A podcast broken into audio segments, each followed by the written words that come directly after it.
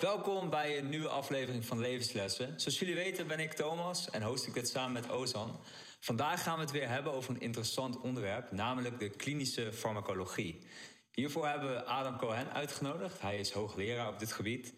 Heeft meer dan 30 jaar onderzoek ernaar gedaan en is ook 30 jaar actief als, uh, of is 30 jaar actief geweest als directeur van het Center for Human Drug Research, uh, ook werkzaam geweest als arts. We kunnen dus wel stellen dat hij iets weet van een pilletje. Uh, daar willen we het vandaag over gaan hebben. Net als uh, of we te veel of misschien wel te weinig medicijnen gebruiken. En of er een coronavaccin moet komen en hoe het er dan ook uit gaat zien. Maar dat zal dus zo meteen aan bod komen. Allereerst uh, wil ik je welkom heten. Ik vind het heel erg fijn dat je vandaag bent. Ja, dankjewel. Ja, welkom. Welkom. We zijn benieuwd waar uw passie en motivatie voor klinische farmacologie nou eigenlijk vandaan komt. Ja, dus als je dus de hele tijd gedaan hebt, dan, ga je, dan is het dus vrij makkelijk om te doen alsof je precies wist toen je aan begon. Uh -huh. Hoe dat zat, dat weet ik niet of dat waar is eigenlijk. Dus Oké, okay. en wat denkt u? Nou, weet je, ik denk als je, als je mijn carrière op zou schrijven... dan is de beste, eh, wat je ervan kan zeggen... is natuurlijk don't try this at home. Want het is natuurlijk heel anders gelopen dan ik dacht. Ik, ben begonnen met scheikunde studeren. En er, er, was wel een link, want mijn vader die was apotheker. Dus, mm -hmm. dus er zat wel iets met die geneesmiddelen in. Maar dat wilde ik natuurlijk eigenlijk niet. En toen liep ik aan aan het einde van mijn eerste jaar scheikunde... wat ik geloof, wat geloof ik te moeilijk voor me was. liep ik aan tegen iemand in Leiden... die nog steeds tot vandaag heel vaak spreek. Dat was Douwe Breimer, een hoogleraar. Die, werd, die was heel jong, was 33 toen hij daar hoogleraar werd. En okay. wij ontmoetten elkaar toen. En dat was eigenlijk... Dus, ik denk dus dat je carrière heel vaak gevormd wordt... door dat soort toevallige ontmoetingen met mensen... waarvan je denkt van, zo ja. ongeveer ook worden. Mm, en zeker. Maar geluk hebben dat dat gebeurt. Mm. Nou, dat gebeurde en toen ben ik farmacie gaan studeren. En toen, na een tijdje, bedacht ik opeens dat ik uh, iets anders moest doen. Dus heb ik een half jaar in Afrika gewerkt. En toen werd ik opeens geconfronteerd met... Ja, ik kwam uit een nogal beschermde omgeving, dan nu mm -hmm. gezien. Ja. Ik zag opeens Afrika en hongersnood en dode kinderen en dingen die volstrekt buiten het beeld waren ja. geweest. Heftig, ja. Ik kan me voorstellen dat het een hele impact op u heeft gehad. Ja, dus die impact was heel groot. Het is ook maar ook wel volstrekt toeval dat ik het deed. Een vriend van mij die had het ook gedaan. Dus laat ik dat ook okay. Ja. Het was niet zo dat ik van tevoren dacht... ik moet nu eindelijk eens een keer opgroeien en iets verstandigs Zelf echt ontwikkelen, uitdagen. Gewoon maar. Uh. En, en toen ben ik geneeskunde gaan studeren daarbij. Oké. Okay. Toen kwam je natuurlijk wel gewoon op de gedachte over ja, die geneesmiddelen... En uh, ik, heb daar mijn afscheidscollege over gegeven. Maar geneesmiddelen is natuurlijk een heel raar woord in Nederland. Want ze genezen helemaal niks. Dus... Ze nee, uh, symptomen. Ja, ze ah, bestrijden eigenlijk ja. over het algemeen symptomen. Er zijn niet zo heel veel dingen die genezen worden door alleen geneesmiddelen. Ja. En die hele omgeving van de dokters en die ze behandelen... en de omgeving waar je zit, dat is in Afrika heel anders dan bij ons. Dus hetzelfde geneesmiddel werkt in een hele andere wereld heel anders. Nou, die gedachte maakte dat je heel veel fascinerende dingen kon uitvinden daarover. Want ik ontdekte ook al vrij snel dat we er ongelooflijk weinig van wisten. En dat is... En dan bedoelt u uh, hier in Nederland? De hele algemeen, wereld? algemeen. Oké. Okay. Ik heb ook niet het gevoel dat het heel veel beter is geworden. Nee, ah, dat is wel interessant. Dat is niet het beeld dat ik normaal heb van uh, Zeker, medicijnenwereld. Of deze, nee, je hebt dus, nou goed, je kan het dus, ik noem het farmacocentrisch. Je kan het zo benaderen, je kan het vanuit het geneesmiddel benaderen. Maar uh -huh. de klinische farmacologie benadert dat vak vanuit de patiënt. En, dus, okay. en, en, het gaat dus altijd, dat ga ik waarschijnlijk een paar keer zeggen bij geneesmiddelen. Dus uh, het is een soort reis van werken naar helpen. Werken is zeg maar een molecuul dat plakt aan een of ander iets op een cel en doet iets in die cel en dan werkt het. Juist, ja. Helpen is dat iemand er daadwerkelijk beter van wordt. Ah, ja. Nou, en ik denk dat ik, als ik terugkijk, dan heb ik me waarschijnlijk nogal veel gericht op werken en minder op helpen. En, Juist. en dat is denk ik in het algemeen zo. Het is nou makkelijker. Mm -hmm. Het verschil zit er dan in, als ik het goed begrijp, op dat een bepaalde stof wordt ingezet om uh, eigenlijk een andere stof uh, te counteren of een ja. deel in het lichaam. Terwijl als het iemand helpt, dan voelt die persoon zich echt weer beter. En dat is dus niet altijd het doel geweest van. Nou ja, het is ook niet altijd. Het is, het, het helpen is veel moeilijker aan te tonen dan het werken. Mm. Oké. En neem antidepressiva, die, die doen iets op, een, op serotonine in je hersenen. Mhm. Die gaat omhoog, dat weten we. Kan je bij een rat ook laten zien. Kan je Ja. hersenen uithalen en meten hoeveel erin zit. Ja, er zit meer in. Uh-huh. Dus het doet iets, zeg maar. Je kan ook uit, uitvinden hoe lang het werkt. En nou de overgang naar iemand die, die eh, angstig is of bedroefd... of, of eh, zijn eigen waarde Ja. verlaagt... dat zou dan dus beter moeten worden. Ja. Nou, het ene testen we heel complex en met allemaal biochemische tests en dierproeven. En het andere testen we met een vragenlijst. Ah, juist. Oké, dus er wordt niet... Er wordt veel meer gekeken naar... Is het er eh, verandering in de hersenactiviteit... in plaats van...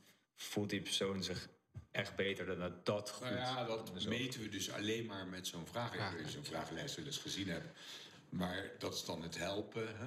De- Bedoelt u dan een soort vragenlijst van of een persoon depressief is? ja, dat zijn 17 Oké. vragen die worden altijd ge- gebruikt in, die, in dat onderzoek. Ja, ja volgens mij. En die wel zijn zoiets als, eh, toen je vanochtend wakker werd, had je toen zin om te leven of niet? Als Ja. je, je begrijpt het al, als je, als je ja zegt, dan krijg je minder depressiepunten. En als je nee zegt. Ja. En, en eh, hoeveel keer heb je aan seks gedacht de laatste de week? Weet je? Oh, Dus moeten mensen dan allemaal zeggen. En dat weten ze waarschijnlijk ook niet precies. Dus iemand die, Ik, ik, ja, ik denk dat jij hetzelfde wil vragen. dus iemand die niet zo zin in heeft in seks, die heeft misschien over het algemeen minder serotonine. Nou, dat is dus, dan, dan leg jij nu meteen een link tussen werken en helpen. Ja, oké, oké. Dat is niet helemaal waar. Dat zit, er zit dus ongelooflijk veel tussen. Dat kan je Ja, jezelf ook wel voorstellen. Ja, ja. Maar het is wel een symptoom van depressie. Als je weinig zin hebt in seks. Ja. Maar, Oké. En wat, wat is dan weinig? Dat ben ik wel benieuwd. ja, nee, maar, maar je, gaat dus nu, je gaat dus nu precies de vragen stellen die je ook over zo'n vragenlijst kan stellen. Van wat is het? En, en overigens vergeleken waarmee. Hè, de- zo, maar zo wordt dus uiteindelijk een geneesmiddel voor depressie getest op of het, of het helpt. Of die Hamilton depressieschaal, want als je al die punten bij elkaar optelt, dan kom je op een getal. En als dat getal, eh, moet ik het goed zeggen, geloof ik, hoger is, dan ben je depressiever. En als het lager is, ben je minder depressief. Ehm, Juist. en dan ga je van 27 naar 16 op dat getal. En dan ga je, lever je dat in bij een registratieautoriteit. Die zeggen, ja, nee, dat is een antidepressieve. Maar als je na gaat denken over, over het hele verschijnsel depressie... en hoe breed, en alle psychiaters zullen dat ook beamen... dan is dat natuurlijk een ongelooflijk primitieve manier om te kijken naar helpen. Als je gaat kijken naar Ja. werken, dan vind je stapels en stapels literatuur voor ratten en, en, en neurofarmacologie en eh, berekeningen en modellen en dingen. En dus dat is eigenlijk bij geneesmiddelen, hoe meer ik er naar kijk, eigenlijk altijd het geval. Hoe lang heeft u die realisatie al? Te kort. ja? Te kort, wat had ik er nog wat meer aan kunnen doen. Ja. Nou ja, het is wel interessant. Het is, het is namelijk iets wat, wat eigenlijk een beetje on- ontstaan is. Toen we nog. We hebben daar altijd wel aan gewerkt hoor, maar, maar nooit zo bewust. Je, je Ja. wordt natuurlijk opgevoed in, in, een, in een, een beeld wat heel erg. Nou ja, geneesmiddelen, dat zijn dingen die, die werken. En werken is hetzelfde als helpen. Ja. Ehm, en er zijn er heel veel. Er is een enorme industrie achter, dus dat zal wel kloppen. Het enige wat we moeten doen is daar wat proefjes in doen. Komt het allemaal goed. En dan langzamerhand kom je tot de conclusie van... wacht even, dit komt eigenlijk helemaal niet goed op deze manier. Dus wij zijn daar pas recent aan begonnen. En dat heeft dan te maken met wearables en continu meten met mensen en andere dingen. ja. En dus ook het helpen, echt in kaart brengen van... oké, gaat Ja. het nou wel goed? En, eh, En daarvoor moet je natuurlijk ook wel eerst weten wat mensen eigenlijk doen. Hè, de, de, dus, dus dat veld, van, de- we hadden het over de fascinering voor de klinische farmacologie. Maar als je zo, zo ehm, definieert, dan is het ook wel echt, echt fascinerend gebleven. Want, want er zijn dus nog steeds, ja, je denkt over de loop van je carrière, dan zou het niet eens een keer klaar zijn. Hè? Zou het niet Oh, zo, alles ja. uitgevonden hebben. Ja, maar het echt helpen, helpen begint nu. Dus dat is eigenlijk nu wat we moeten gaan doen. Terwijl nu kan wel- het ook. Hè? Nu, nu kan het ook. Het kon natuurlijk ook gewoon twintig jaar geleden niet. Want wij konden niet vaststellen wat mensen de hele week deden. Terwijl daar op zich wel de, de kern zit van het meest belangrijke, Ja. zou je zeggen. Ja, en als ik als dokter... Ik, eh, of net gestopt als dokter, maar ik heb dus 33 jaar spreekuur gedaan. En dan komt er iemand binnen en, en sommige van die mensen heb ik... Dat merkte ik nu, nu ik stopte, dat ik afscheid van ze nam. Die heb ik gewoon 20 of 30 jaar gezien. twee keer per jaar. Dus die ken je eigenlijk best goed. Er zijn Ja. sommige vrienden die ik heb die ik minder vaak zie. Mhm. En, ehm, maar dan komen ze binnen en dan zeg je dus hoe gaat het? En dan doen we altijd beleefd. En dan zeggen zij altijd, we zijn ook beleefd, zeggen ze altijd goed. Dan denk je natuurlijk eigenlijk, denk je, wat doe je dan? Ja, ja. Want ze komen dan ook om iets... Is bijvoorbeeld een controle van een ziekte, bij Oh, een ja. ziekte. Uh-huh. Dus dat is een controle van een ziekte. Dan heb je iets en dat wordt langzaam Ja. slechter over de tijd. Niet, niet acuut, maar vaak heel langzaam. Ja, dan gaat het eigenlijk best goed met die mensen. Maar als je dan terugkijkt, dan gaat het natuurlijk eigenlijk gewoon slechter. Want ze zijn ouder geworden en ze zijn, eh, hun nieren doen het minder goed.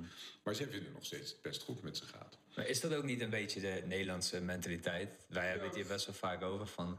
Ook al gaat het misschien wat minder, dat je toch altijd zegt dat het goed gaat. Ja, dus bijna iedereen die uit Katwijk komt en die zie je veel in Leiden, die zegt altijd ik mag niet klagen. En dan zeg je nou, hier mag het wel trouwens.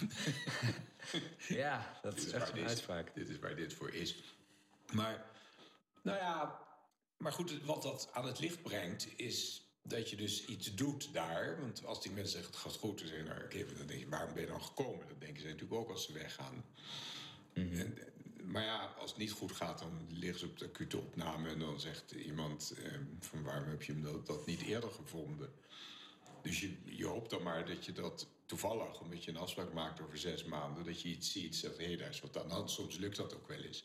Maar heel vaak lukt het niet. En dat zijn die mensen die tien dagen later gebeld wordt dat ze een hartinfarct hebben gehad. En ik zeg, had ik daar nou wat mee gekund? Nee, eigenlijk niet.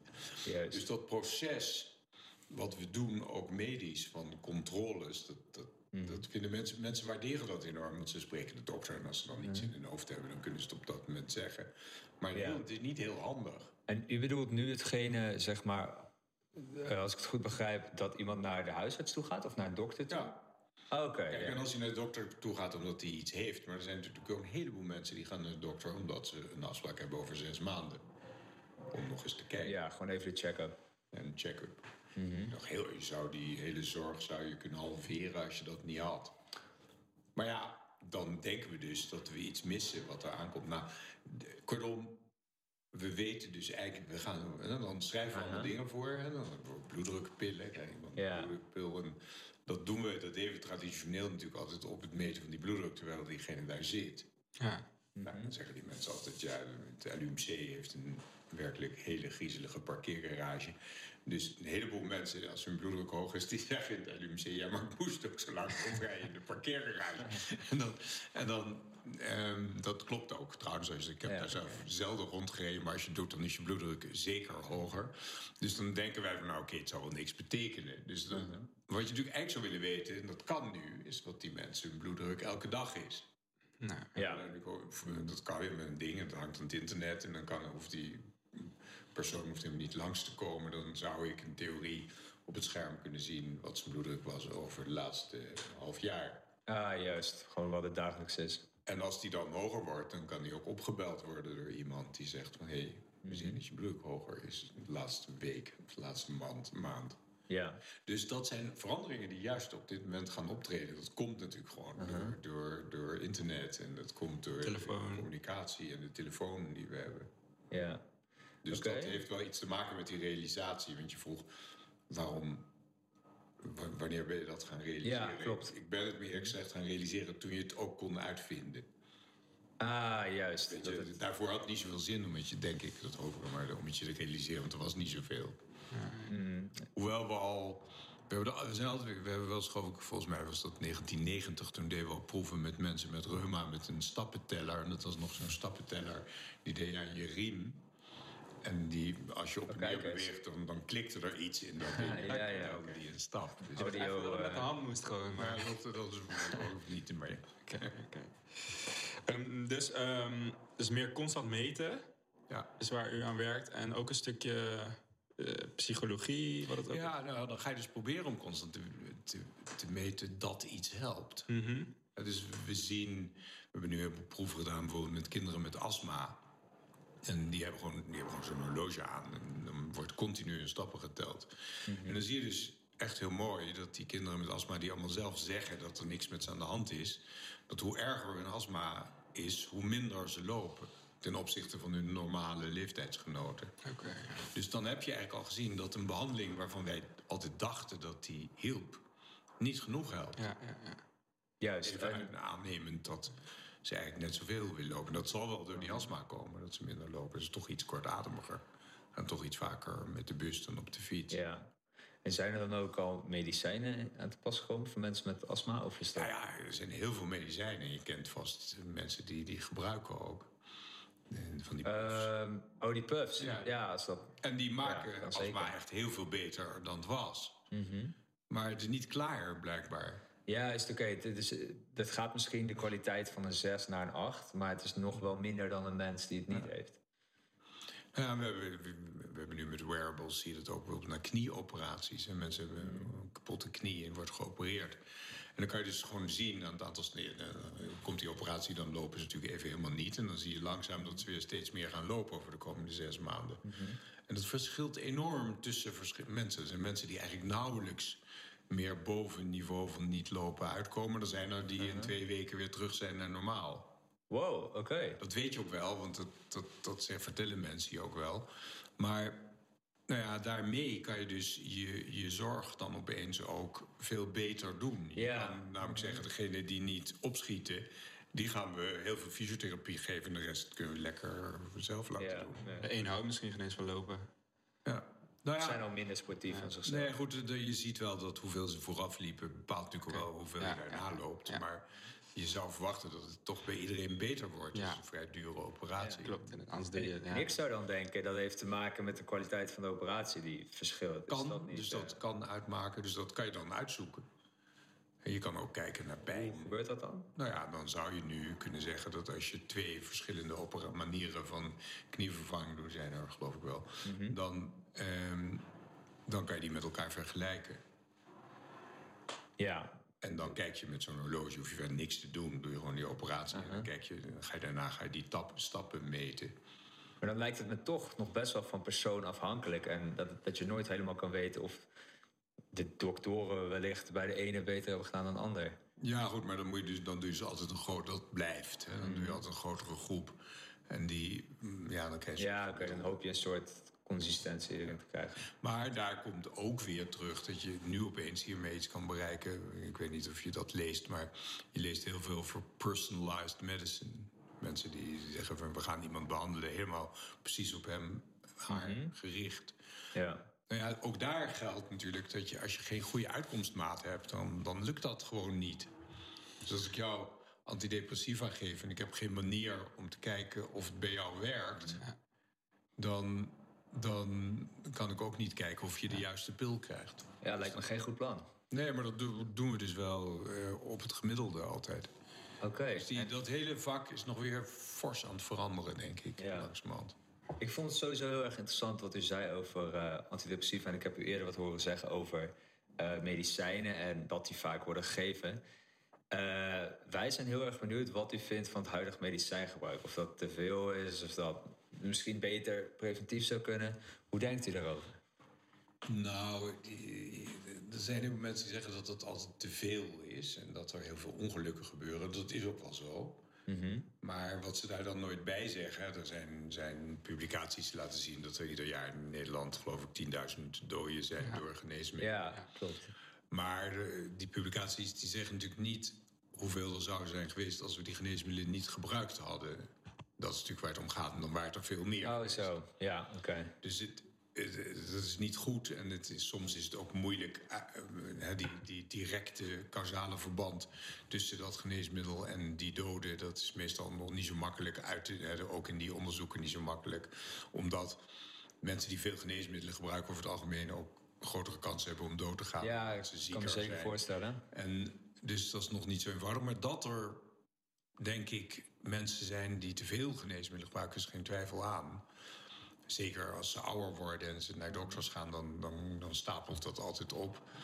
En ja, ik heb wel eens mensen ook aan de studenten laten zien op college. En dan ga je, ga je gewoon met ze door hun lijst heen.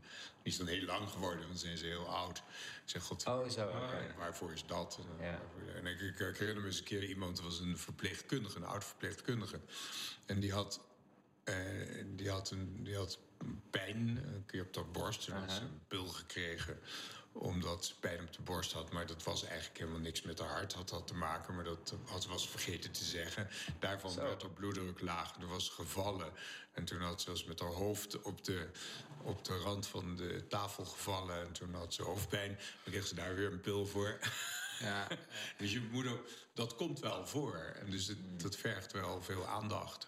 En, en, en, en natuurlijk ook wel veel onderwijs. Daar moeten we misschien ook nog even over hebben. Over, voor, voor, Bedoelt u voor dan, eh, want ehm, ik heb u ook eerder een artikel zien schrijven over dat de doktoren ook best wel snel medicijnen geven. Doelt u dan daarop? Ja, vooral niet genoeg les daarin krijgen. Dat is, dat is best raar. Hè? De gemiddelde, wij doen in Leiden doen we alle kennis van de farmacologie in ongeveer een week. En Lijkt me niet dat je alles in een week kan leren. nee, dat, dus dat is daarna iedereen weer vergeten, maar dat, we doen ons best.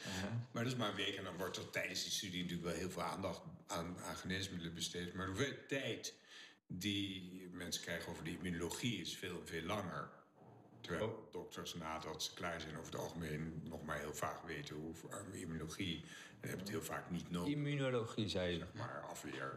Oké, ja. het is heel, het is heel interessant. Ik er ook heel veel weten. Maar het is denk ik praktisch niet zo nuttig. Dus dat geneesmiddelonderwijs is gek genoeg altijd een beetje laag geweest. Hè. Dus in de jaren 50 dan kregen medische studenten kregen veel en veel meer les over geneesmiddelen dan nu. Veel meer uren. Terwijl er nu 10.000 geneesmiddelen waren en toen 100 of zo. Wat een rare... Dat is heel raar. En dat is, eigenlijk wordt daar wereldwijd over geklaagd. Wordt altijd door iedereen gezegd dat moet niet, maar het wordt nooit anders. We hebben, toen we hebben op een gegeven moment in Leiden besloten om daar dan even niet, niet over te zeuren. En het dan in ieder geval zo goed mogelijk te doen. Dus we hebben die TRC-app gemaakt, die binnenkort weer opnieuw uitkomt. Dus een app waar alle, alle werking van geneesmiddelen in staat. Dus hoe, werken ze? Oké. Zijn eigenschappen? En dat ding, dat is, ehm, hij, is, hij komt binnenkort weer opnieuw uit. Maar dat is een, eh, nou ja, dat is een poging om te zeggen, laten we eh, uren onderwijs niet het enige wat je moet doen. Maar, Ja. Is dat dan voor, eh, gewoon voor eh, mensen, mogelijke patiënten, of ook echt voor de doktoren zelf? Ja, iedereen denk ik. En dat is het voordeel nu. Je hoeft niet je informatie te beperken tot alleen de mensen die de handtekening op het recept zetten.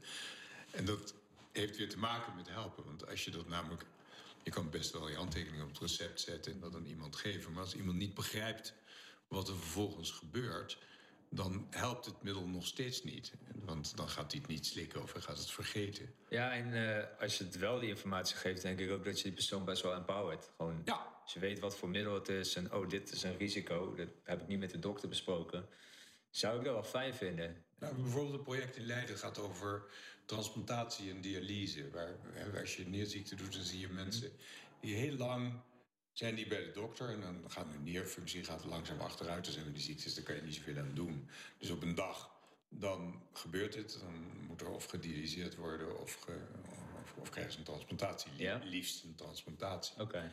En daar krijgen ze ook wel een uur, en dat is behoorlijk goed, want het is al be- veel beter dan het was. Krijgen ze een uur speciaal onderwijs over van een speciale verpleegkundige die daarin getraind is. Hm, dat is netjes. Maar ja, als wij de gemiddelde medische student een uur onderwijs zouden geven over zo'n onderwerp, dan zou, en zouden hem daarna iets vragen, dan zou hij het niet kunnen beantwoorden. Dat geldt bij die patiënten natuurlijk ook. Nou hebben die er wel de hele dag mee te maken, maar toch is dat onderwijs beperkt. En dan zie je dus ook dat sommige mensen bij wie dat blijkbaar niet gewerkt heeft, die krijgen dan zo'n transplantatie en dan moeten ze elke dag hun pillen slikken. En het komt toch eigenlijk per jaar altijd weer een paar keer voor dat iemand daar op een dag mee stopt.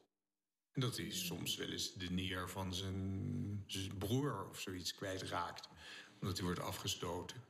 En, en dan, ja, dan denk je, dat is nou voor stoms. Maar dan denk je, ja, we hebben die mensen dat misschien ook niet goed uitgelegd. Dat ze dat elke dag moeten doen. Ja, oké. Dus er moet veel meer zeg les maar. in. Dus we zijn een project begonnen nu, dat wordt nu uitgewerkt... om een soort lesprogramma te maken. Dus als je zo'n chronische ziekte hebt, dan ga je dat lesprogramma volgen. Mhm. Je kan natuurlijk ook van alles op internet vinden, maar dan is het weer verwarrend. Maar dan krijg je dus gewoon Ja. school. Ik zeg Oké. wel eens voor de grap, je krijgt helemaal geen transplantatie voordat je examen gedaan hebt. Ja, die app moet eigenlijk iedereen hebben, vind ik. Ja. Ja. Nou ja, dan moet je dus ook leren hoe je met die informatie om moet gaan. Dat is, ja, dat is makkelijker als je gestudeerd hebt dan niet. Maar, maar desondanks ja, weet je, geldt dat ook voor iemand die rechten gestudeerd heeft. Die heeft ook geen idee hoe dat, hoe dat moet. Dus dat hele, die hele informatie, die, en dat heeft te maken met het, het helpen van geneesmiddelen. Ze helpen gewoon niet Ja. als mensen het niet slikken. ja, en als ook de nazorg dan niet optimaal is. Ja. En, eh, Kan het nog zo goed werken, maar het helpt Ja. helemaal niet. en u vindt nu dus dat het probleem voor een heel erg groot deel bij de doktoren zit. Vindt u dan ook dat... eh, want wij hebben ook het idee dat best wel veel medicijnen verslavend kunnen zijn. Ja. Ja, goed. Dat, die zijn verslavend om een aantal redenen, denk ik. Gewoon, er er is natuurlijk gewoon de, het feit dat mensen iets associëren met een, eh, mm, ja, met rust bijvoorbeeld. Durf je niet meer zonder je eh, benzodiazepine, eh, slaapmiddelen, durf je niet meer over straat. Want je hebt één keer een Ja. paniekaanval gehad en dat is het zo fijn eh, met dat spul. En, en dan is die paniekaanval dus uit, uit zichzelf weg, maar je durft eigenlijk niet meer met de pillen te stoppen. Dus dat is dat soort verslaving. Dat, Mhm. De simpelste manier. Ik heb, ehm, misschien ben je het zelf ook geweest, ik was het ook, maar mijn kleinkinderen zijn, sommigen zijn verslaafd aan zo'n beest. Ze mee naar bed nemen. Eh, een knuffel. Knuffel. Ja. Ja, ja. Ja. Eh, ja, vroeger. Ja, ja, er zit wel wat in. Een van de, een van de beetje afgelebberd konijn. Maar Lijkt me dat is- dan wel iets er was niet in. minder schadelijk. Maar gaat niet slapen zonder dat afgeleverde konijn. Dat is natuurlijk onzin. Dus we kunnen prima slapen. Maar Ja. wij weten, dus we hebben dat ingebouwd. In onze psychologie hebben we dat soort dingen. En sommige mensen hebben dat afgeleverde konijn-effect met een geneesmiddel. Die kunnen het niet meer, kunnen het niet kwijt. Mooi voorbeeld. Juist. En, en dat is niet echt verslaving, denk ik. Maar dat is een soort, soort van gewenning. Je kan niet, je kan niet, durft niet zonder. Wel En een stukje gemak. Ja, het Ja, is natuurlijk altijd dat ze nooit verslaafd Ze krijgen dat gek genoeg. Dat vind ik heel interessant. Ze krijgen dat eigenlijk nooit met de pillen die hun immuunsysteem remmen om hun transplantator in te laten zitten. Wat eh, bedoelt u dan? Nou ja, ik bedoel, je ziet nooit iemand die. Er zijn wel mensen die begrijpen dat, dus die blijven die pillen wel slikken. Maar voor dat soort geneesmiddelen heb je heel vaak dat mensen dat niet hebben. Die hebben dat vaak voor dingen die te maken hebben met emoties natuurlijk. Ja, Angst. ja, ja. Dus Voelt antidepressiva je eigen bijvoorbeeld. immuunsysteem niet. Dus dan- En dat is meer korte termijn. En die medicijnen die, eh, voor daar, daar zou je het eigenlijk willen, dat Ja. ze daar verslaafd raken. Oh ja, want dat zijn nou juist mensen die het vaker vergeten misschien. Ja, een tijdje denken nou, vergeten. zal wel Dus- niet dus- meer hoeven. Nee. Maar het ligt niet alleen aan de doktoren. Want Nee, nee, nee. nee. medicijnen zijn ook echt makkelijk te... Paracetamol, melatoninepillen. Ja, dus die. Ja, kijk, dus die, ik, ik ga dan, dan kom ik altijd weer even terug op mijn eh, vrienden. Er is een jongen in Leiden die promoveert, een Egyptoloog, en die promoveert op de oude voorschriften van eh, de Egyptenaren voor geneesmiddelen. Ja, toevallig. Ja, ik zat daar naar te kijken. Dus die heeft zo'n hele grote papyrus, is ergens in Leipzig. En er staan alleen maar recepten op van dingen. En eens een keer, we, zijn, hebben elkaar leren kennen... omdat hij een keer langskwam en zei... ik wil een paar van die dingen maken en kan jij ze dan testen? Oké, toen zei ik, wat zit erin? En dan ging hij, kan die hieroglyphen lezen, dus dat las hij dan voor. En dan zei hij, van, nou, in deze zit pus uit wonden van katten. Dat, de Egyptenaren deden dat vaak in hun geneesmiddelen. Dat vonden ze, dat, dat, goed- die katten waren heilige beesten. Dus Ah, als ze ja, aha. afweer hadden, dan kon je, dat, kon je dat mooi zelf ook in iets stoppen. Juist. Nou, oké, laten we dat maar niet doen. Maar, maar er is dus al heel lang zijn er dingen die ze toen vonden dat ze iets genazen.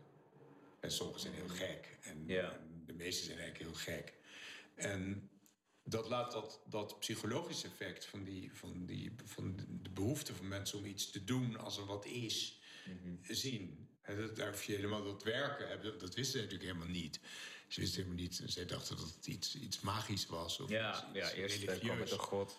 En, ehm, maar zij, zij keken naar het helpen. En de ging natuurlijk vanzelf over. En dat is hetzelfde als waarom, je, waarom er al sinds dat moment mensen waren die zich dokter noemden. Ik bedoel, alles waar wij nu over praten in die moderne farmacologie... is natuurlijk van, nou ja, dat is een beetje, begon een beetje 1900. Het is niet veel meer dan... en was pas op een goed niveau in 1950. Juist. Dus dat is misschien v- eh, 75 jaar oud, weet je. Dat is helemaal niet zo oud. Maar er is al heel lang, maar de dokters die niet zoveel konden. Dus dat die, die gingen over het helpen. Zeg ik altijd. Dat ging toen over het helpen? Ja, maar zonder dat er iets Ah, werkte. Je kan dus als dokter prima Juist. helpen zonder dat er iets werkt. Oh, dat is wel interessant. En daarnaast is het dus... effect is natuurlijk veel groter. Dat kan je niet weg Het helpen. technologisch weghalen. Dus dat zit er altijd bij. Dus je moet heel erg oppassen dat mensen niet dat, dat magische deel gaan projecteren op dat technologische deel. Dat, dat is iets anders. Het is niet slecht dat het er is, maar het is wel iets anders. En dan bedoelt u dus, ehm, vergeet niet nazorg, eh, het, het wel effectief nemen Ja. van medicijnen in plaats van alleen de operatie. Ja, dus, dus goede dokters die combineren die twee dingen ook precies Ja. op de goede manier. En goede patiënten die, die kunnen daar dan ook mee omgaan. Die begrijpen Juist. dat ook. Dat is toch een voorbeeld bijvoorbeeld ehm, dat eh, mensen die depressief zijn, eh, ideaal gezien zouden therapie moeten komen volgens mij en antidepressiva. Als mensen echt heel depressief zijn. Ja, dus wat is dan... eh, Ja, dus de, de, de, de psychotherapie... Hè, daar zeggen een heleboel mensen van het werkt niet. Maar een heleboel andere mensen zeggen ja, het helpt wel. Ehm, ja, het is natuurlijk een ongelooflijk ingewikkeld gebied... waarbij we eigenlijk de ziekte zelf, depressie... maar heel matig hebben gedefinieerd. Oké, ja. Het is, ook, het is ook best lang een discussie volgens mij, of misschien nog steeds wel, of het echt een ziekte is. Ja, dus het is ergens op een glijdende schaal... in ieder geval iets waar mensen dan zelf last van hebben. Ja, En dus dat hebben we niet zo goed gedefinieerd. En toen zijn we aan de andere kant heel technologisch begonnen met. Ik bedoel, als je bedenkt wat de diermodellen zijn om van die psychofarmaca uit te vinden of ze werken, die hebben helemaal niks te maken met waar mensen over klagen. Dus het diermodel voor sommige middelen voor psychoses, dan gooi je een rat. En dan komen we op dopamine vanzelf. En dan gooi je een rat in een zwembad. En die leer je dat er een eilandje in dat zwembad zit. Dus daar zwemt hij naartoe en gaat hij op dat eilandje zitten. En dan eh, geef je hem die middelen. En dan, kijk je, dan haal je het eilandje weg. En dan kijk je of die nog steeds naar die plek zwemt of zoiets. En dan kan je juist. want hij vertelt je niks, die rat. En dat zijn middelen die iets te maken hebben met psychoses. Maar dat weten we omdat een van die middelen dan ook daarop een effect had. Maar ja, veel, Ja. veel verder zijn we niet daar. Hè. We begrijpen niet hoe, hoe het komt dat mensen in de war raken. We hebben maar heel weinig idee. Maar we weten dat als we dan dat dopamine-systeem uitzetten... dat, dat, dan, eh, eh, dat het dan qua wanen en hallucinaties beter met ze gaat. Als het dopamine-systeem uit wordt gezet. Dus is het dan bij mensen die een psychose hebben dat het eh overvol is? Dat eigenlijk Nou ja, dan kom je dus, dat, is dus, dat systeem is dus heel belangrijk. Hè? Dat is ons beloningssysteem in je hersenen. En, eh, waarom heb je dat? Dat heb je niet. Dat heb je omdat je... eh, ja, je moet gewoon risico's nemen. Anders waren wij er nu niet meer geweest, zeg ik altijd. Als Ja. Neandertalers geen mammoets waren gaan jagen... waarbij ze wisten dat ze... ehm, onder, moment was op, de, op de slagtanden geprikt konden worden... dan Juist. zouden ze dat niet gedaan hebben. Dus er moest iets in. Degene die door dat nemen van dat risico... en als het dan wel lukt, een goed gevoel kregen... Juist. Die, die bleven overleven. En dat zijn wij nu geworden. Ja, ja, oké. Mensen met eten, juist... Geen mammoets meer, maar ja. Ja, dat is waar. Maar dus die, de, de, dus, en dat is, eh, de, nou ja, als je dat wil ik- als ik het op school uitleg, dan zeg ik altijd, laat ik zo'n foto zien van iemand die gaat bungee jumpen. Waarom doe je dat? En dan zeggen alle scholieren adrenaline, maar het is dopamine. Het is het feit dat je Ja. iets heel engs doet. Het is, zo is het ook bedacht. Het is helemaal bedacht om je beloningssysteem te stimuleren. Dus daarom klimmen we op bergen, ik allemaal van die dingen. En dan, dan eh, ga je optreden en dan hoop je dat het eh, goed gaat. En als het dan goed gaat, dan krijg je allemaal dopamine release in je hersenen. En dan heb je... Het slaat nergens op, maar dat is zoals het werkt. Juist. En, en dus wij hebben een heleboel dopamine-genererende activiteiten in onze maatschappij. Ons telefoontje alleen al. eh, Ja, ik weet niet zeker waarom eigenlijk. Maar dat is omdat je. Dat, dat heeft te maken met dingen die je wil en die je dan ook makkelijk kan krijgen. ja. En dus dat zijn allemaal. Ja. Nou ja, en. en dus je hebt dus geneesmiddelen die, die zorgen voor dopamine release. Hè. Dat zijn dan een beetje de, de dingen. Een van de drugs doen dat. Eigenlijk allemaal. Ja. Alcohol, eh, nicotine. Zit er dan nog verschil tussen... eh, de, de woorden de termen downers en eh, uppers? Ja, dat komt dan een beetje door andere dingen die die dingen doen. Maar ze hebben allemaal wel uiteindelijk dat dopamine release. Dus dat, dat in, die, in dat beloningssysteem effect. En er zitten effecten omheen, waardoor niet iedereen op dezelfde manier reageert. Maar uiteindelijk zijn ze wel hetzelfde, wat dat betreft. En dat is waarom mensen het doen. Juist. Ja, als je alleen maar iets zou hebben dat je heel actief en angstig zou maken, dan zou je het niet gaan slikken. Nee, ik denk niet dat veel mensen dat zouden. Vitamine. Maar, maar, maar dat is dan toch uiteindelijk omdat het zo'n beloningssysteem effect heeft. Ah, oké. Maar omgekeerd zijn dus de middelen die dat blokkeren. De, en en de, het uiteindelijke effect eh, van dingen als amfetamine is een soort psychose. Zo hebben ze het ook uitgevonden. De, de was een, die heb ik nog wel vrij goed gekend. Dat was Paul Jansen, de oprichter van Janssen Pharmaceutica. Een bedrijf dat nu eh, het coronavaccin maakt. En die was de zoon van een huisarts in Beersen. Een pa die schreef amfetamine voor aan de jongens die op van die eh, ehm, kleine wielerkoersen meededen. En die werden een jaartje ouder. En dan moesten ze steeds meer hebben om nog een beetje mee te kunnen met de jongens. En dan kwamen ze over de streep en dan waren ze totaal in de war. dat is zoveel. amfetamine. En die, die, die Paul die bedacht, dat, dat lijkt op een psychose. Dus als je nou dat effect van die amfetamine blokkeert, dan heb je Ja. een middel. voor- Nou, dat is, ha- dat is haloperidol, aldol. Nog steeds heel veel gebruikt wordt eh, voor psychoses. Hoe zei je het? Para... para- Twee medicijnen. Twee medicijnen die Oké, heten haloperidol of haldol. Dus dat krijgen mensen nog steeds als ze acuut psychotisch zijn. Zo, oké. Maar wat je dus alleen maar doet, is je slaat dat beloningssysteem eruit. Dus al die mensen die dat chronisch krijgen, die missen iets. En dus de meeste mensen met een psychose zelf vinden dat gemis heel erg, waardoor ze weer stoppen met die pillen. Ja, daar word je juist ongelukkig Je van. pakt dus je, je beloningssysteem af met zo'n pil. Is het, is het zo Dus dat, het ehm, als ik het goed begrijp, Ja. dat het op een gegeven moment, eh, je, je krijgt zoveel positieve eh, ja, dopamine, dat het wordt uitgeput en daarvan krijg je dan het negatieve gevoel? Nou, we hebben, we hebben onderzoek gedaan met ecstasy. Want ecstasy is, is een serotonine-release. En Dus dat, en serotonine zit een beetje in de, in de, in de kant van, van mood, van hoe je je voelt. En, Ja. en, en dat, dat zie je ook heel goed. Hè? Je ziet het heel goed aan, aan, aan ecstasy. Ecstasy doet dat. Was natuurlijk in, in de wereld helemaal niet ge- gekomen als een middel om op feesten te gebruiken.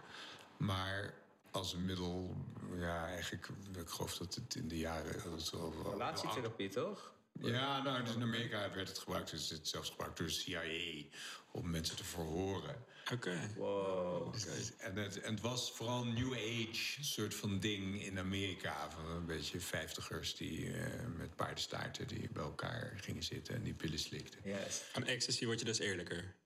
Nee, Maar dat dacht even iemand. Het is heel moeilijk om met een pil iemand de waarheid te laten zeggen. Ja. Maar het hele effect dus van, van bewegingsdrang ehm, die erbij hoort, ehm, smakken, waardoor in de jaren zo'n beetje 2000 alle gabbers met lollies rondliepen, omdat je anders er zo dom uitziet als je loopt te smakken. En dus, dus allerlei cult-items die werden aangepast aan de farmacologie. Dus, dus dan zie je een beetje wat er daar gebeurt. De lichaamstemperatuur die hoger wordt van Ja. serotonine.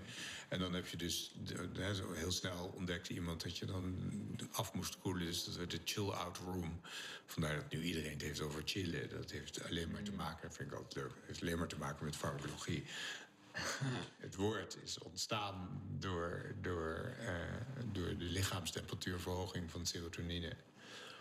Oh, wat grappig. Eh, en en er waren dus bepaalde ruimtes waar je kon afkoelen. Ja. Ja, ja, Dat ja. is, Ik denk dat het echt een van de meest gebruikte woorden is van... Ja. eh, in ieder Maar het is toen, het is decennium. rond dat moment ontstaan. Dus, dus Wow. Nou ja, maar dat is dus ook beloningssysteem. Het heeft dus de, de, de neiging om dicht bij, andere mensen te gaan zijn. Dat is een slechte pil voor anderhalve meter, eh, nu ik erover nadenk. Maar dat leidde tot die massale feesten... waar iedereen het ook weer leuk vond om Ah, bij elkaar ja. te staan... en te dansen en te bewegen en aan elkaar te zitten. Maar het is wel interessant dat je dus met eigenlijk een vrij simpel molecuul... Hè, dat je dat toedient, dat je al deze menselijke ge- eh, gedragspatronen gewoon in één keer aanzet. Dat is natuurlijk wel fascinerend. Het laat ook weer zien, wij vinden ze allemaal heel complex en mooi. Maar dat zijn ze natuurlijk helemaal niet. Het is gewoon alleen maar een van die systemen die maakt dat we uiteindelijk eh, dat we dingen samen doen. Dat is natuurlijk belangrijk voor groepen mensen. Dus en, en, wat doet ecstasy dan op de lange termijn, wat op de korte termijn? Nou, okay. Dus wat wij gedaan hebben is in dat onderzoek, toen, toen we daarmee te maken kregen, is al lang geleden. Eh, is dat we een hele grote groep gebruikers hebben gekeken van werkt dat serotoninesysteem nog? Mm En dat deed niet. Dus mhm. dat is een beetje uitgeput. Dus dat, dat kan je doen door een ander middel te geven aan mensen. Je kan dat er niet uithalen, zoals bij een rat. Dat is zielig. Maar je, je geeft ze dan een pil en dan meet je in het bloed een hormoon dat wordt afgegeven eh, door dat serotonine-systeem, dat weten we. Mhm. En bij die gebruikers was dat hormoon echt een stuk lager. Die het dan echt regelmatig gebruiken. Ja, met een beetje de indruk, wat we ook wel bij ratten hadden gezien. Als je nou heel veel van dat spul slikt, dan ga je toch die, dat systeem als het ware uitputten. En dan worden die cellen niet meer gemaakt. Ik heb begrepen dat dan dat die serotonine receptors, volgens mij, die worden geblokkeerd. Ja. Dat daardoor blijft de doorstroom van dopamine eigenlijk komen. Ja. En dat is de. Nou ja, goed, dat is ook wat je wil, want daardoor ga je opeens iedereen aardig vinden en zo. Ja. Maar maar... Um, Zo'n moment dan, ja. zeg maar. Maar ja, als je dat dus heel vaak doet, dan blijkbaar gaan die neuronen zich daar een beetje aan aanpassen. En die, gaan, die worden toch minder actief tussendoor. Ja, Zodat mensen dus tussendoor depressiever zijn. Dat was die groep van ons ook. Uh-huh. En dat heeft dus ook te maken met dat als je het één keer doet, uh, krijg je een dip een paar dagen later. Mm. Als je het echt regelmatig doet. Uh, ze zeggen ook wel van die regels van uh, één keer per drie maanden volgens mij. Ja, dus dat komt een beetje uit dat onderzoek wat wij gedaan hebben. Ah, toen, wij, toen wij het deden, toen was er voorlichting van het ministerie... die een stuk minder uh, voorzichtigheid vroeg. Mhm. Dat weten we natuurlijk niet heel zeker. Het is heel moeilijk om te doen. Dan zou je echt grote groepen het spul moeten geven. Ja. Wij, wij, gingen ook natuurlijk uit van twee van de jongens die het al geslikt hadden. Ja. Je mag volgens mij ook niet dat aan mensen geven of het uh, verplichten te nemen als het ja, dat, mogelijk Dat, is wel gedaan. Daar zou je over kunnen twisten. Als mensen het toch al doen, waarom zou je het dan niet ook in een onderzoek doen? Maar ja, je zou het niet zo goed kunnen doen door, door ze.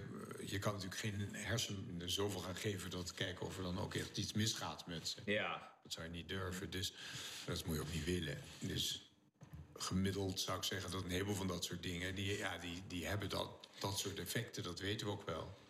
Dat gaat, of dat nou, als je een tijdje weer niet doet, overgaat, dat zou ook heel goed kunnen. Maar het is natuurlijk vooral bij mensen die, die een beetje tussen 16 en 25 zijn, heb je natuurlijk nog enorme hersenontwikkeling. En we weten helemaal niet hoe die tot stand komt. We hebben eigenlijk geen idee hoe al die verbindingen in je kop eh, een beetje aan elkaar gaan zitten op min of meer goede manier. En we hebben wel een idee dat als je daar dus met dit soort stoffen in interfereert, dat het anders kan worden. Hoeveel anders weten we niet. Maar het is wel iets wat je moet realiseren. Durft u daar een uitspraak over te doen? Van uh, bijvoorbeeld, nou, bijvoorbeeld ecstasy, maar we kunnen ook uh, alle harddrugs bij elkaar nemen. Hoeveel mensen in Nederland er echt uh, permanente schade van hebben opgelopen? En dan, ja, kijk, misschien heel veel mensen gewoon een beetje, maar wat denkt u echt wanneer we kunnen spreken over ernstige schade. Ik denk dat het bijna niet na te gaan is. Want je weet niet wat, er, wat mensen slikken, dat vertellen ze je niet. Ze, dat kan je wel proberen een beetje uit te vinden op grote schaal. Mhm. Maar als je gaat uitvinden, wat, dat, je zal zeker uitvinden dat de mensen die ehm, studeren of een baan hebben, minder ecstasy gebruiken dan degenen die dat niet hebben. Als er nou ook een reden is dat degenen die niet studeren, niet studeren, bijvoorbeeld omdat ze minder intelligent zijn of geen baan hebben of iets anders, dan um, zou het kunnen dat je die twee dingen gaat verwarren. Dat je zegt dat komt door oh, ecstasy. Oh, Maar dat zou ook best andersom kunnen zijn. Het zou best kunnen dat het een. Dat, en dat het dus niet zoveel doet. Dus je komt daar niet zo goed achter. Krijg je een beetje hetzelfde verhaal als wat ze met die rode wijnstudie hebben gedaan. Ja, dat. Ja. Uh, rode wijn je gezonder maakt, terwijl het eigenlijk gezonde mensen zijn die rode wijn drinken. Ja, dus dat moet je altijd voor oppassen. Dus je komt dan niet veel verder dan te kijken naar dit soort een beetje modelachtige studies die we doen en die, die je ook in dieren ziet.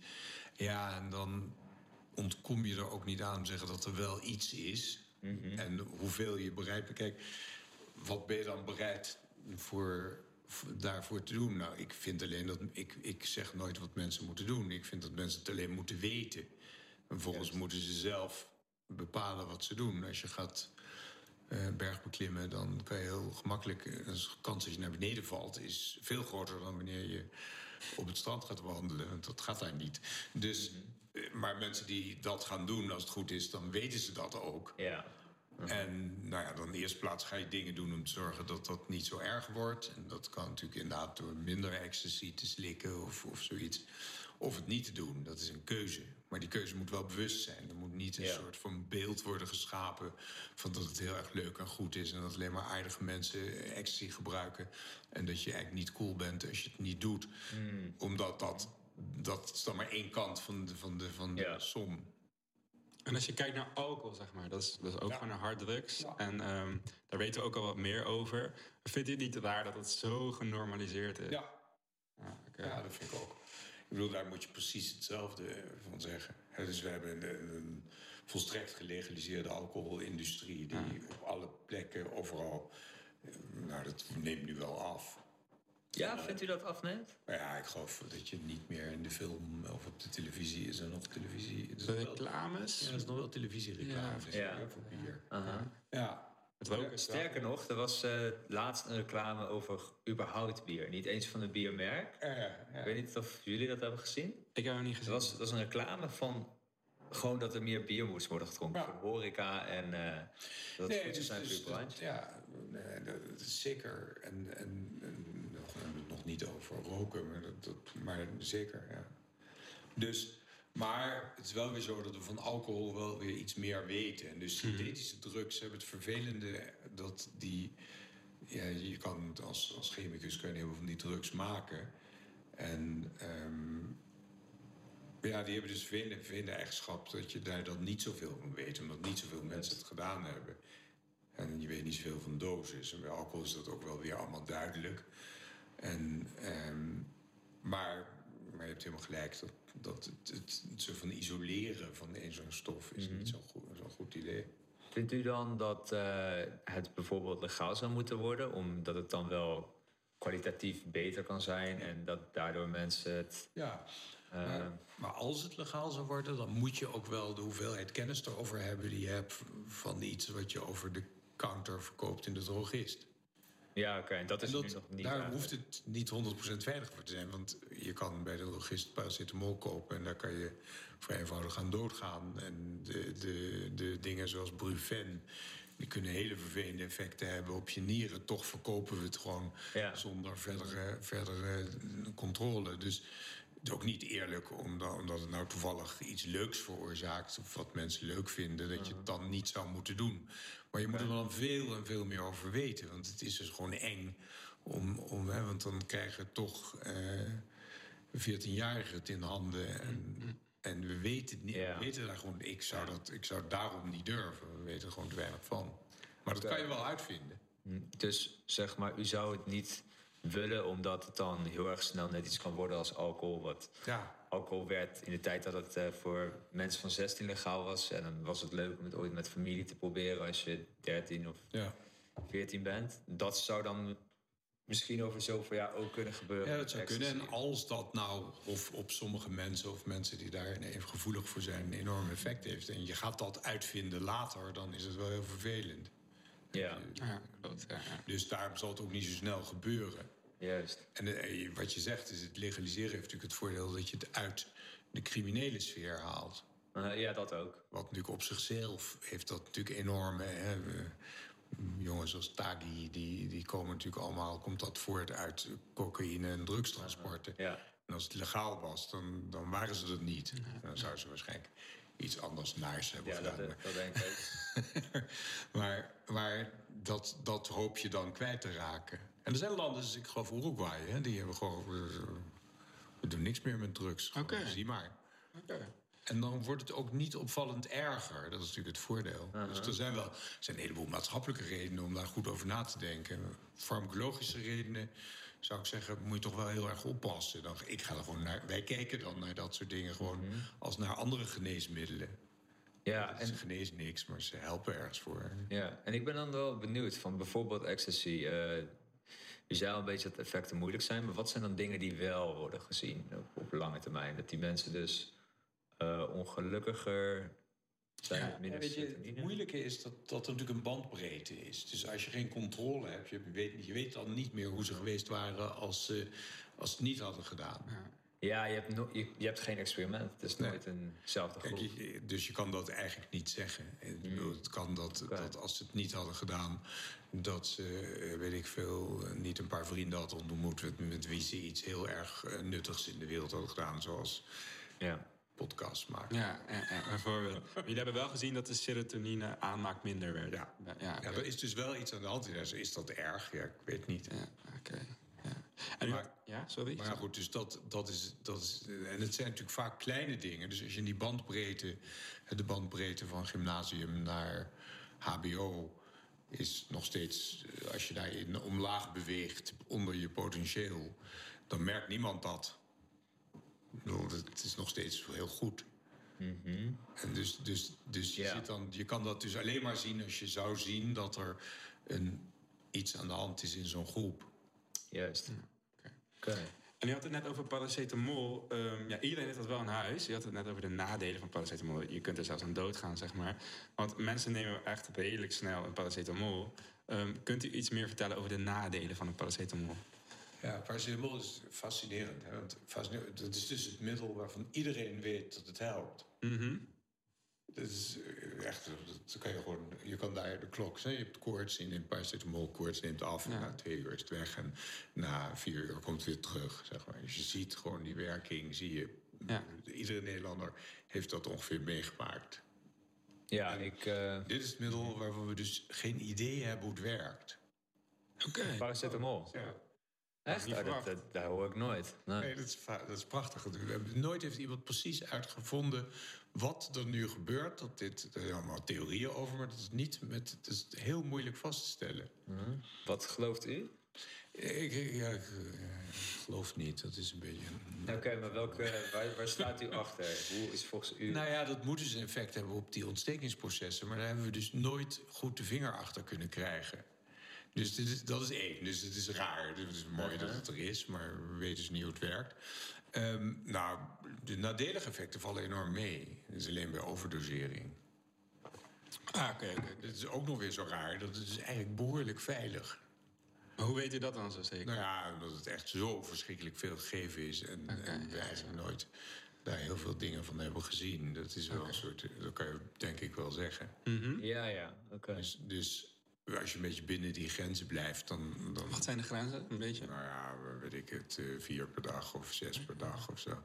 Maar als je dat voortdurend zou doen, dan weet ik het ook niet hoor. Kijk, Ja. de meeste mensen doen dat gelukkig niet. Maar je hebt je wel, die slikken maar alsmaar paracetamol door. Oké, ja. En En het is eigenlijk niet bekend wat daarmee gebeurt. Niet dat mensen een eh slechter immuunsysteem krijgen. nee, of, eh, maar, maar- Wel raar, dat, dat Ja. zou ik niet denken. Ja, het is zal fascinerend dat iets waarvan we niet weten hoe het werkt... eigenlijk best wel oké is als middel. Dus Ja, en het verbaast me ook al wel van ecstasy en die drugs. Ik dacht dat zal helemaal bekend zijn. Maar Nee. Nee, bij illegale middelen, dat is een beetje een ander onderwerp... maar illegale middelen is natuurlijk... Wij hebben altijd gezegd, als iets je verboden is, moet je het onderzoeken. ja. Dan moet je ook onderzoeken waarom het verboden is. Dat hebben we ook gedaan met doping. Hebben met ecstasy gedaan. We hebben dat met, met cannabis gedaan. Juist omdat het verboden is, moet je het onderzoeken. Niet, eh, maar dat is niet een algemene mening. De algemene mening is, ja, het is verboden. Mensen mogen het niet slikken, dus dan hoeven er ook niks van te weten. Als, als, het valt niet onder geneesmiddelregistratieautoriteiten... Ja. die daar allemaal, allemaal eisen aan stellen. Dus, en dat, dat gebeurt dus te weinig. Daar ben ik van overtuigd. En, eh, en dan vind je dus ook niet de positieve dingen daarvan. Dus, eh, nou, EPO hebben we dat, dat beroemde wielrennersonderzoek gedaan... wat liet zien dat het eigenlijk helemaal geen effect had.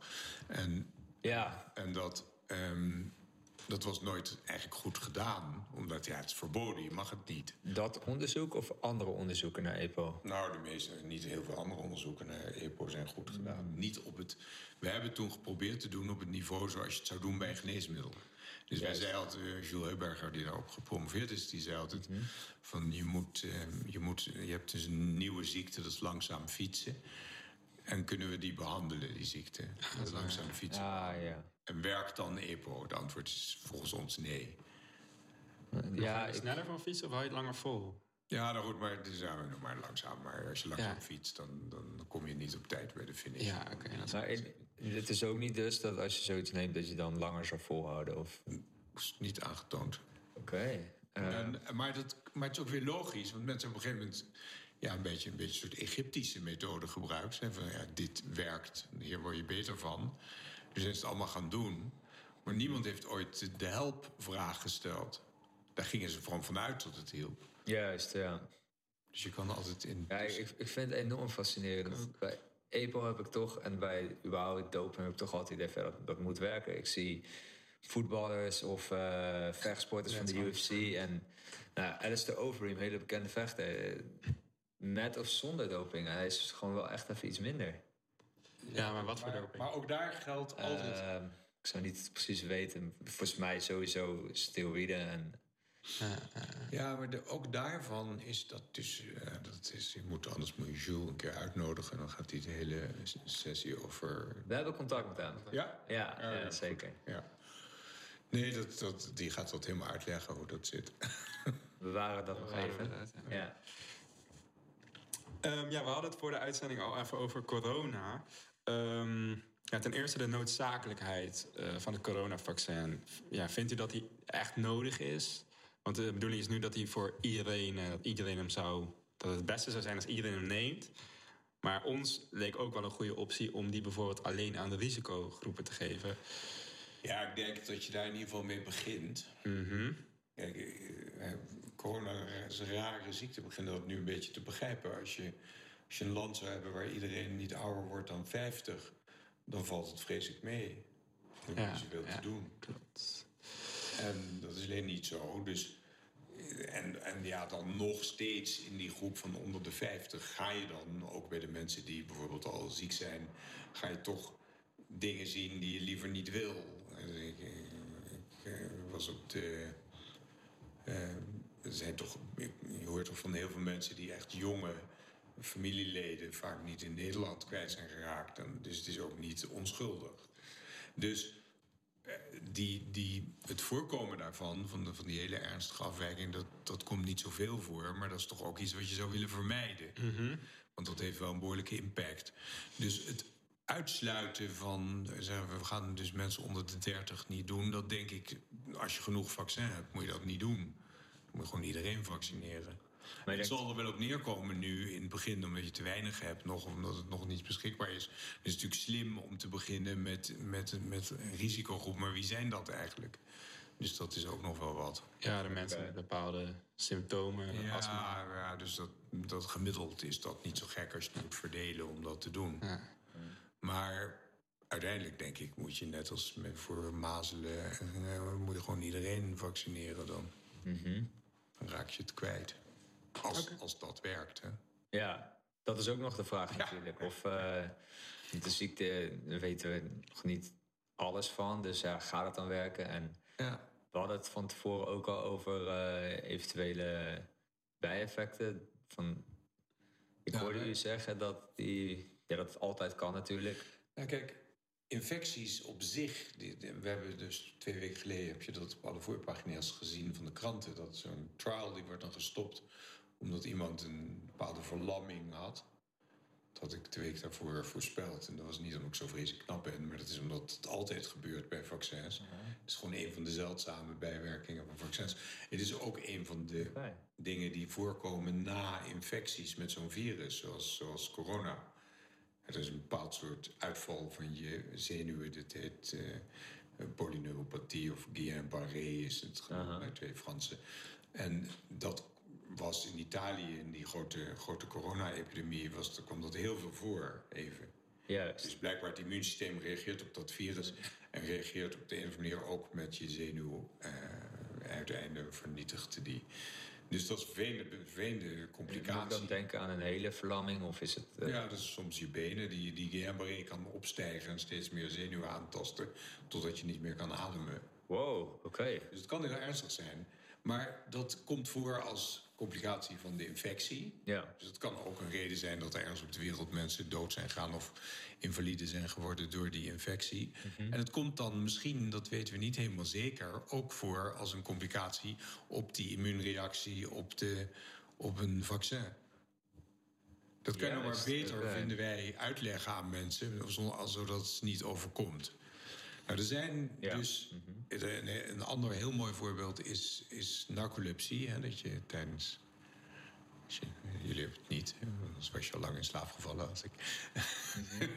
maar maar dat is die, die ziekte waar mensen opeens in slaap Ja, ja. en ehm, die, die is in Zweden is die veel meer voorgekomen en in Noorwegen na, na dat Mexicaanse griepvaccin.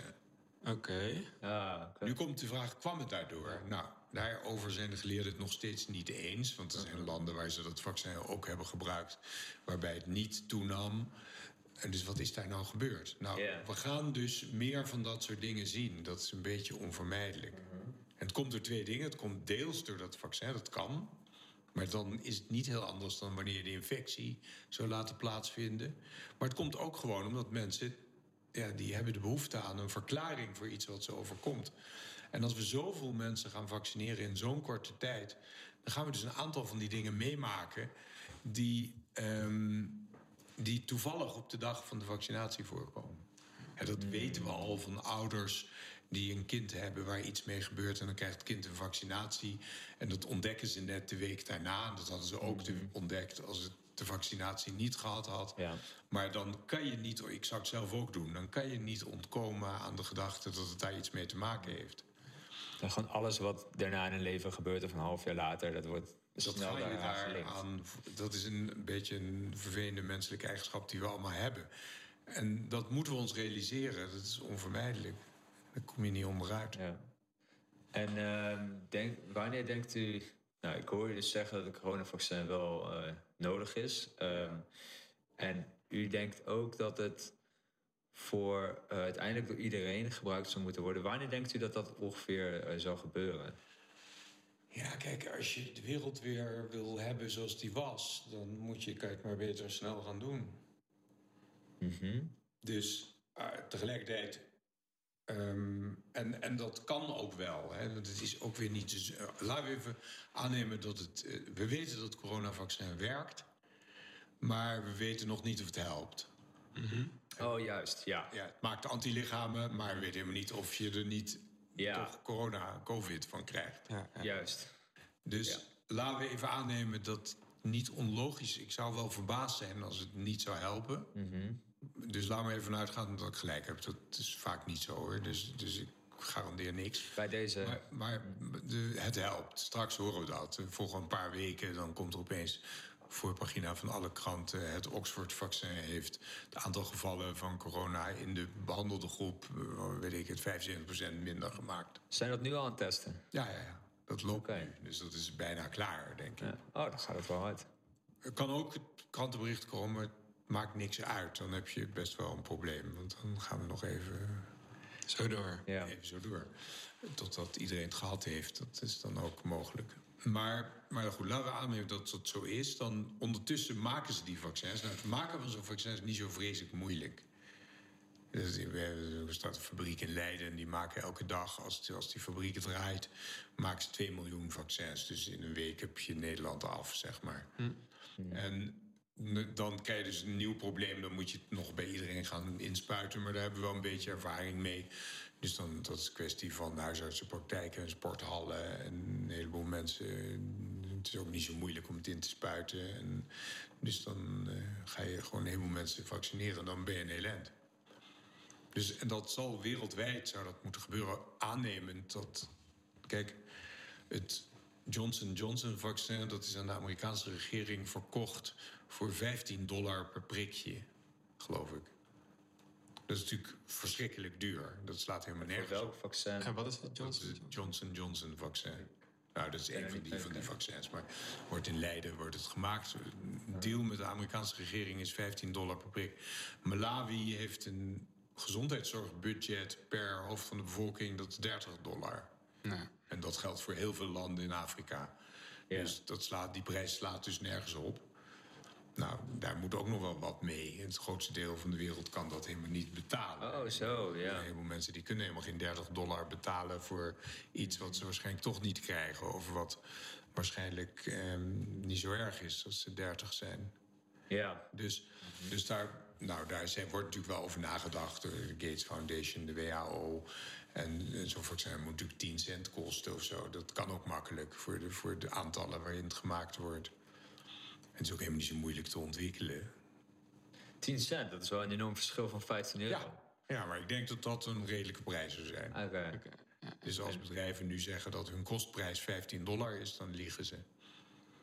Ja, oh, dat, dat is best wel erg, vind ik eigenlijk. Als het voor eh, ja, toch wel een ziekte is dat nu de hele wereld bezighoudt. Ja, dus je ziet hier een heel interessant dilemma. Kan je ook een heel podcast aan wijden. Dat is namelijk het dilemma dat wij dat laten doen door een, ja, een aandeelhouderswaardige, ge- gerichte, winstgevende industrie. En dat we dus dan ook eigenlijk niet moeten miepen als die dat doet wat zo'n winstgevende industrie altijd doet, namelijk de winst maximaliseren. Ook als ze zeggen dat ze het niet doen. Dat, is, dat zit in zo'n bedrijf. Ja. Maar maar dat, dat is een stukje wat ik geschreven heb aan het begin van de coronacrisis in Trouw. Ehm, dit moet ook nationaliseren. Dit is helemaal niks. Dit is de waterleiding. Dit is helemaal niks. Ja, voor- dat is gewoon essentieel iets. Het is essentieel iets. En, en het is heel moeilijk voor bedrijven om zich te verplaatsen in die positie. En dat denk ik is iets waar we ook wel eens goed over na moeten denken. Voor sommige van dit soort dingen die in die geneesmiddelindustrie worden gemaakt. We hebben dat allemaal. Want, want Nederland had gewoon een eigen vaccininstituut. Een heleboel landen hadden hun eigen vaccininstituut. Zeg maar voor de overheid gerund. Ja, die, dat was een overheidstaak. En op een gegeven moment, ja, dat is niet efficiënt. En er kan niet zo goed in geïnvesteerd worden. En, en dus laten we dat maar gewoon verkopen naar India. En nu kunnen we natuurlijk opeens wel in dat soort dingen heel, heel veel investeren. Dus dat is wel grappig. Maar dat vinden we moeilijk als er niks aan de hand is. blijkbaar. Ja, ja, ja. Dat is niet echt eh, sustainable eigenlijk. Nee, en ik denk dat het- weer eens moet nadenken. Ik, ik heb toen de analogie gemaakt met het leger. Hè, dat doen we het wel. We onderhouden toch eens ook, geloof ik, 11 miljard per jaar. Allemaal, allemaal raketten en tanks en boten en allemaal dingen Vliegtuig. die we nooit gaan gebruiken, hoop ik. Ik bedoel, zo'n zo'n ik zeg, een, een fabriek, om, om je een voorbeeld te geven, een fabriek om die 1 miljoen of 2 miljoen doses per dag te maken, om te bouwen, kost die denk ik ongeveer 30 miljoen. Dan heb je hem. Oké, ja. Leuk eh Dat prijs. is geloof ik zoiets als, nou ja, dus wat kost een, eh, een F-35 eh, JSF, die kost geloof ik 800 miljoen. Zo, ja, dat is heel apart.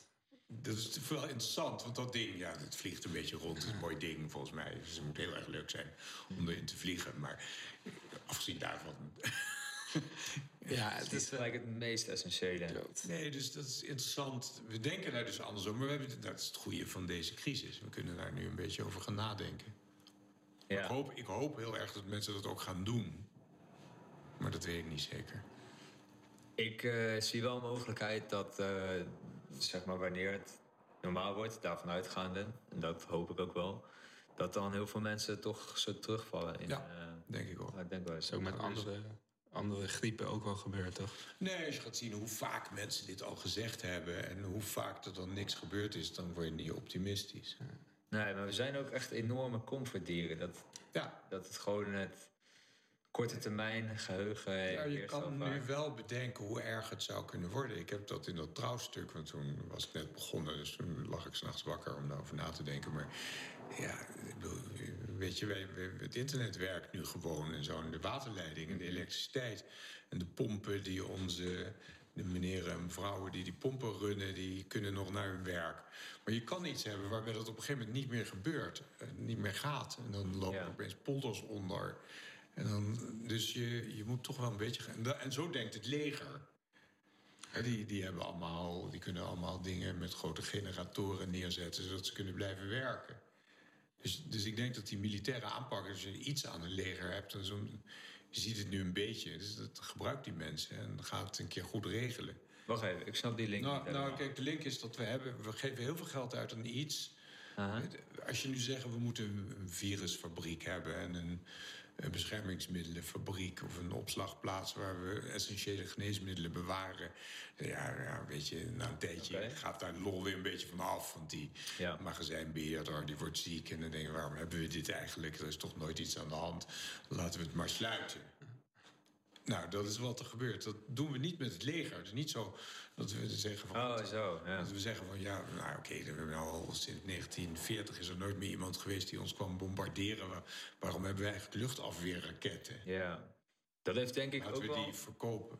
Of laten we de luchtafweer privatiseren en overdragen naar een groepje eh, privé-legermensen. Die heb je ook huurlingen. Dat doen we niet. Zou iedereen tegen zijn. Maar hier doen we het wel. Bij de, bij Komt dat niet ook een beetje van de Amerikaanse mentaliteit? Waar heel erg... De economie die, die leunt enorm op het leger. En dat is nodig om de economie draaiende te houden. Dat Nederland, vind ik zelf, volgt Amerika op veel vlakken. Ja, maar het is nou, kijk, het leger houdt een zekere mate van de economie gaande. De mensen die die raketten maken. Maar, maar, maar en, en het is een manier om mensen die anders misschien niks te doen hebben, werk te geven. Dus het kan, zo kan je het ook zien. Maar er is geen enkel land dat zijn leger privatiseert. Zelfs Amerika niet. Die heeft dat wel een beetje gedaan in Irak. Had je op een gegeven moment wel een soort van privé-legers die daar rondhangen. Maar, mm, dus het is wel typisch Amerikaans om dat voor een deel te doen. Maar de rest van de wereld doet dat niet. Ik ken geen situatie waar een land zijn verdediging uitbesteedt. Nee, maar we hebben onze virusverdediging hebben we dus uitbesteed. Ah, zo, ja. Oké. dan zou de veiligheid van het land niet meer op nummer 1 staan, denk ik, maar meer uh, geld verdienen. Ja, maar, maar nu zien wij elke dag dat de veiligheid van het land veel meer wordt bedreigd door een virus dan door een vijand. Ja. Dat, nu maak je dat mee. Ja, we zijn te laat. Duizenden ben... dooien. Eh. Ik ben eigenlijk wel benieuwd. Uh, ja, we weten natuurlijk dat het heel erg uh, aan de hand is. Uh, en dat corona wel echt impact heeft. Denkt u dat we hierna ook een stuk gezonder gaan leven? Want ik heb zelf ook wel het idee dat als we het preventiever bezig gaan... Ja, misschien is het veel naïef, maar dat, het dan veel, dat de impact veel minder groot was. Ziet u daar nog een verschil in komen? Of... Denkt u dat dat... Goed, eh, ik weet het niet. Eh, een heleboel dingen worden weer vergeten. Maar... En ik weet ook niet helemaal zeker of het vermijden van alle infectieziekten een heel goed idee is. Hoor. Volgens mij weet niemand dat. We worden nu niet meer verkouden omdat we uh, niet meer aan elkaar zitten. Maar um, ik weet niet helemaal zeker of dat goed is. Voor je immuunsysteem. Ja. Ik bedoel nu meer het uh, gezonde leven in de zin dat we zijn over de 30 jaar veel ongezonder geworden, rook veel vaker, uh, veel vaker overgewicht. Want ik ben het heel erg met u eens dat ik uh, ook zelf wel denk dat nu zeg maar dat we elkaar niet aanraken en als we moeten houden, daardoor juist het immuunsysteem laag gaat. Dat is ja. wat u bedoelt. Nou ja, goed, we weten niet precies. er zijn wel aanwijzingen dat als je heel erg schoon gaat leven, dat je meer auto-immuunziekten krijgt. Dingen als diabetes en reuma. En, en dus, en dat, daar kan je wel iets bij voorstellen. We hebben natuurlijk vrij vies geleefd in de evolutie. Een beetje daar over ja, de douche is nog niet een hele oude uitvinding, denk ik. Nee, daarom. Dus, nou ja, afgezien van de douche, maar, maar ook gewoon hoeveel, hoeveel je geconfronteerd wordt met, met, weet ik het, mest van dieren en rotzooi ah, en afval. En, dus, en, en we hebben wel een toename van auto-immuunachtige dingen, zoals astma en diabetes. En, en, dus misschien, dus of dat helemaal goed is, weet ik niet. En de, de, handige manier is natuurlijk om, de, om de, de, de beesten die we niet willen, te zorgen dat we daar immuun voor worden. Dat is vaccinatie, dat, dat, dat is redelijk succesvol. Mm nou ja, dan weten we ook weer niet. Maar er zijn mensen die zeggen dat moet je ook niet doen. Maar dat is volgens mij onzin. Maar de. Um, Dus, dus, maar terug, als je zegt terug, uh, we zeggen, zijn wij gezonder gaan leven hierdoor, dan is dat mooi. En dat zou mooi zijn als dat zo bleef, want dat moet natuurlijk ook. We moeten natuurlijk gewoon geen vlees meer gaan eten. En we moeten natuurlijk ook uh, niet dingen gaan eten die eindeloos in het vliegtuig hebben gezeten. En dat hoeft ook helemaal niet. Geen vlees meer? Nou, ik denk dat je daar toch wel behoorlijk op terug moet. Oké. Okay. Ja. Ik bedoel, er zijn wel meer dingen, hoeven we ook niet, geloof ik. 400 nertse farms in Nederland te hebben. Überhaupt geen. Er zijn wereld niet echt nertse farms nodig. Zijn, ik, ik, weet eerlijk gezegd niet wat het Dat zijn die dingen waar je bondjassen van maakt. En zo waar die beesten die allemaal corona kregen, die heb je overal in Nederland bleek. Oh.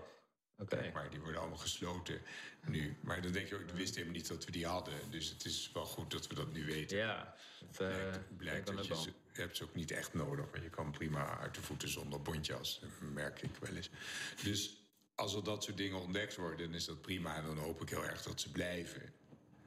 En dat Ja. iedereen ophoudt met dat soort dingen. Maar dat we met z'n allen toch weer allerlei dingen doen die niet helemaal functioneel zijn, is misschien ook niet zo erg.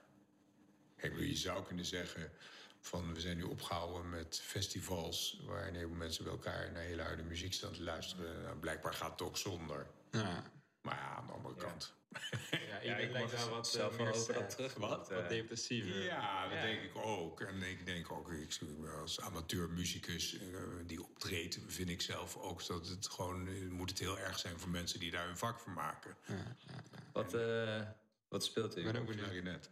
Oké. Eh, nice. Net, oké. We hebben helaas geen hier liggen, anders dan zou ik onmiddellijk gaan optreden. Ja. Nee, maar dat is denk ik, ja, er is, dus er is natuurlijk veel, veel dus ik, ik weet niet zeker of dat nou het effect zou moeten zijn hiervan. Maar het heeft wel het effect dat er even over nagedacht is. Ja, nou, met zoiets van festivals hoop ik wel echt dat terugkomt. Want ik denk Ja, dat soort maar, dingen... maar als, je gaat, als je nou heel, als je nou opeens heel eh, streng daarover wordt, zeg je van ja, oké, dat is dus iets waar mensen ook weer andere infecties krijgen en het kost hartstikke veel energie. En bovendien eten ze alsmaar hamburgers en dat is niet goed, dus laten we daar nou maar gewoon mee stoppen. Dan gebeurt er niks in de wereld. Dus dat denk ik niet hoor. Ik Ja. denk dus dat je toch ook wel een beetje onzin moet kunnen uithalen. Ja. Om, dat zou heel vervelend zijn als dat er niet meer was. Nou, ik kan me niet voorstellen dat dat eh gerealiseerd kan worden ook. Nee, dus goed. Dus Calvinisme is ongeveer het laatste wat je denk ik nu nodig hebt. Een soort van dat het goed is of zo. Dat, dat we voor onze eigen zonde gestraft zijn nu. Dat, dat- Oh, zo. Nee, dat, nee, dat alsjeblieft niet zo gaan denken. Nee. Gaan we Eh, ook minder dopamine aanmaken, denk ik. Ja, nee, Ja, ik precies. denk, ik denk dat het nu sowieso al wel eh, gaande is. Dat, ik, ik verwacht zelf dat, eh, ik ben benieuwd hoe u erover denkt, en jij ook, Mhm. Eh, dat wel door de maatregelen, van even vanuitgaande dat het gewoon goed is wat gebeurt, dat er dan infecties worden lager, het aantal doden zijn minder, dat het wel een enorme impact heeft op, op zijn minst op de mentale gezondheid, ook wel op de fysieke, denk ik. Ja, denk ook. Ja, bovendien, ik, ik ben waarschijnlijk gewoon, hoor gewoon tot een risicogroep. Maar ik zou, ja, ik heb gewoon mijn hele leven alleen maar interacties gehad met andere mensen. En ik, ik geloof niet dat ik het zou overleven als die opeens zou stoppen. Ik, ik heb vrienden in Engeland die al vijf maanden met z'n tweeën in een huis zitten. En dan denk je, ja, dat, Zo dan. is goed geweest. Ja. Snap ik.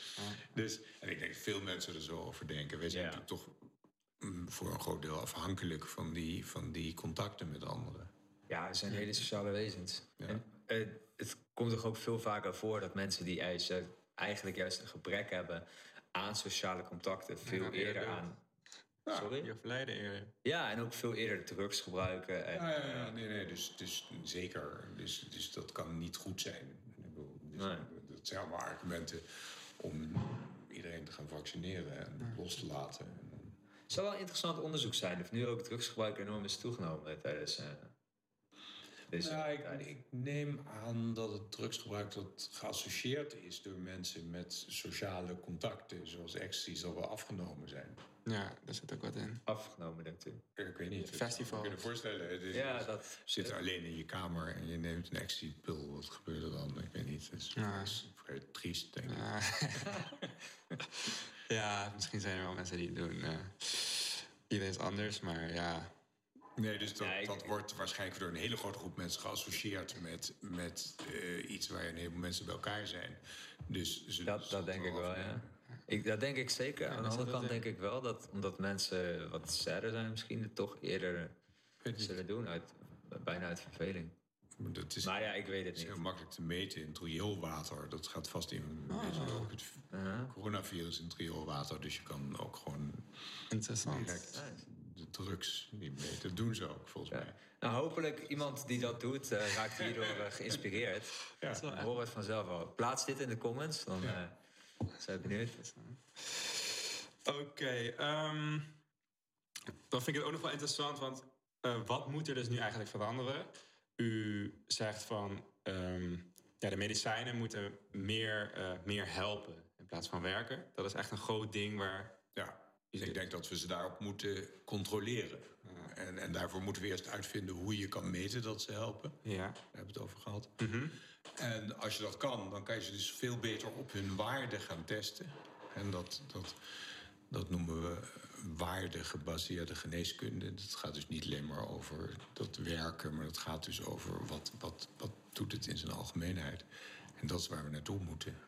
En dan kom je vanzelf erachter welke dingen wie moet hebben voor iets waar die over klaagt. Ja. En wie niks moet hebben als hij erover klaagt. Zo, ja. Oké, ja, dat is een mooi eh vooruitstreven. Ja. Is er iets ook wat wij daar eh, zelf mee moeten doen, specifiek? Ehm, dus buiten door de overheid en ehm, door betere doktoren, zeg maar. Wat kunnen wij zelf doen om eh, te voorkomen dat we verkeerde medicijnen gebruiken of te veel die app gebruiken, wellicht? Nou, ik, wil, ik denk je moet weten hoe het werkt. Dat is namelijk iets wat je altijd kan uitvinden. Ik vind dat als iemand je een ding geeft wat je in moet slikken, dat je als het even kan moet begrijpen hoe dat in elkaar zit. Ja. En dat is ook weer niet zo verschrikkelijk moeilijk, want ik kan het ook. En, want dat helpt je in ook de juiste vragen te stellen aan de dokter. dus, dus je moet van alles weten hoe het werkt, vind ik. Ja. Ja, ja. Althans, weet niet hoe je iPhone werkt. Maar je moet toch wel een beetje weten hoe dat in elkaar zit. En, ehm, en vooral voor jezelf denk ik ook proberen te bedenken... wat het nou precies is waar, waarvoor het helpt eigenlijk. ja. Dus eigenlijk ook uw eigen gezondheid heel erg goed begrijpen. Ja, ja, want als je je eigen klacht begrijpt... dan dat is eigenlijk het eerste wat je moet doen. Ja. En het is ook handiger voor dokters over het algemeen... als er niet iemand binnenkomt die zegt... ik voel mij niet zo goed. Tijdje ja, maar ik weet niet waarom. Ja, dat Ja. komt nog wel eens voor. hè. Ja, ja, ja. Ja. Dus, dus het, het onderzoeken van je eigen klacht is ook niet onbelangrijk. En dat, dat kan alleen maar. Kijk, als dokter zie je iemand een kwartier. of Als hij voor het eerst komt een half uur. Maar dat is het. En zelf ben je er voortdurend eh, 144 uur per week bij, als het goed is. Ja. Dus het, dat is ook wel iets wat we mensen beter moeten leren.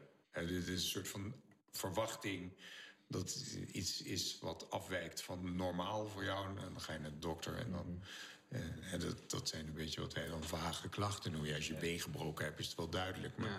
maar Je voor- moet eigenlijk bijna tevoorschijn toveren, zeg maar. ja, eh, als je been gebroken hebt niet, dan, dan weten we wat we moeten doen. Maar de, de, ja, dat is denk ik voor een heleboel van die vage dingen belangrijk. En dan kan je ook weer bedenken dat je met pillen kan stoppen. Want dat vergeten mensen natuurlijk ook altijd. Is dat je ook soms met een pil kan stoppen. Dat je het niet eeuwig door hoeft te slikken. Juist. En ook gewoon eerlijk durft te zijn over de klachten die je hebt. Want we zijn Ja. net al, gaat alles goed? Ja, alles gaat goed. Weet je, Ja. met, eh, zijn vaak toch terug. Ja, het is maar eh, daarbij is dus het probleem dat je het soms niet weet. Ja, Gelukkig misschien. Hè. ja, nee, je hoeft niet alles te En weten. vindt u dat ook iets van de Nederlandse mentaliteit? Want dat ben ik zelf wel van mening. Dat wij snel, ja, wat u zei, eh, niet klagen en... eh, Nou, het is cultureel bepaald, denk ik. Eh, ik denk dat je in een dorp, ehm, agri, een beetje eh, in, de, in, de, in de agriculturele omgeving hele andere klachtenpatronen hebt dan in de stad. Dat is al interessant, waarom Ja. dat eigenlijk is. En het is blijkbaar wat mensen gemiddeld met z'n allen aan het doen zijn, waardoor ze toch een ander, op een andere manier klagen. Dat is zeker zo. Ja. Dus het is niet Nederlands, denk ik. Het is denk ik om allerlei ja, Er zijn mensen die dokters platlopen. En er zijn mensen die nooit gaan. En, en Ja, oké. dat is, Daar is wel onderzoek naar gedaan ook. Maar, maar ik, ik geloof niet dat, dat je dat aan een land kan toeschrijven. Ah, oké. nee. ik, ik had zelf altijd wel het idee dat er een beetje een lichte instelling heert. Maar ja, ik ben natuurlijk geen dokter van... Je wilt niet te vaak naar de huisarts toe gaan en zo. Nee, jij niet, maar er zijn mensen die... eh, Nee, ik heb dat zelf juist niet, maar ik, ik hoor dat vaak. Ja, Oké. ik weet niet. Ik, ik heb nooit helemaal goed begrepen zelf wie dat nou precies zijn. Je kan ze die, als je ze ziet, dan herken je ze wel. Degene die graag naar de dokter gaan. Maar, eh, Ja. maar ik weet niet precies waar dat dan door komt. Het is, er is een heleboel onderzoek aan gedaan, wat ik nooit heb gedaan. Maar, Juist. maar dat er verschillen zijn, is wel duidelijk. Ja. Ja, oké. En als er nog één levensles is die u de kijker mee zou willen geven, wat zou dat dan zijn? Ah, dat is het tegeltje.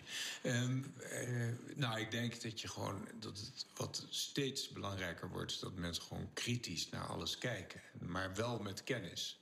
Mhm. Dus dat je probeert om die kennis zo goed mogelijk te krijgen en, en, en niet op basis van, van een tweet eh, een mening gaat vormen. Dat is volgens mij iets wat ons echt bedreigt op dit moment. Zelfonderzoek. Juist. Ja. Dat je gewoon toch, ja, je moet toch een beetje wetenschapper blijven. En dat moet iedereen, denk ik. In al die informatie die op je afkomt, moet je Onderzoek doen, niet alleen headline van een artikel lezen. eerst maar even vragen: klopt dit wel? Voordat je. Ja, Oké. Ik denk dat heel veel mensen daar wat aan hebben en het ook eh, heel vaak niet gebeurt. Nee, en dat wordt je afgeleerd. Hè? Als, je, als je drie bent, dan vraag je alsmaar waarom. En dan zegt iedereen: hou daar nou eens mee op. eh. en dan, maar dat moet je dus eigenlijk niet doen. Ja, nieuwsgierigheid vinden veel mensen vaak eh, irritant of zo, inderdaad. Klopt. Ja. Dus dat dat, is is wel, het. dat is wel fascinerend. Ja, ik weet nog steeds niet precies waarom ik hier ben, maar dat is. Je zo uitleggen. Weet dat, eh, ja, dan wil ik u echt heel erg bedanken dat u hier wou zijn. Er zit echt veel informatie in deze podcast. Dus eh, ik denk Helemaal zeker dat eh, de kijker daar echt wat aan heeft. Wij ook. Wij hebben er ook echt wel Ja, aan. absoluut. Graag gedaan. Ja. Ehm, als we u willen vinden op het internet, waar kunnen we u dan vinden? Is er nog een site of social media? Ja, staat dit nu op ding of niet? Eh, gaan we dit uitzenden? Of gaan we... Eh, dit is nog wel voor de kijker, voor als ze iets over u willen Nou, vinden. ik heb een- mijn, e-mail zullen we ergens erbij zetten. Ja, is goed. Ja, of, of is de site van uw bedrijf. Ja, nou, je kan, wat ik doe kan je zien op www.chdr.nl. Mhm. Oké. Ja, dat is goed om te weten.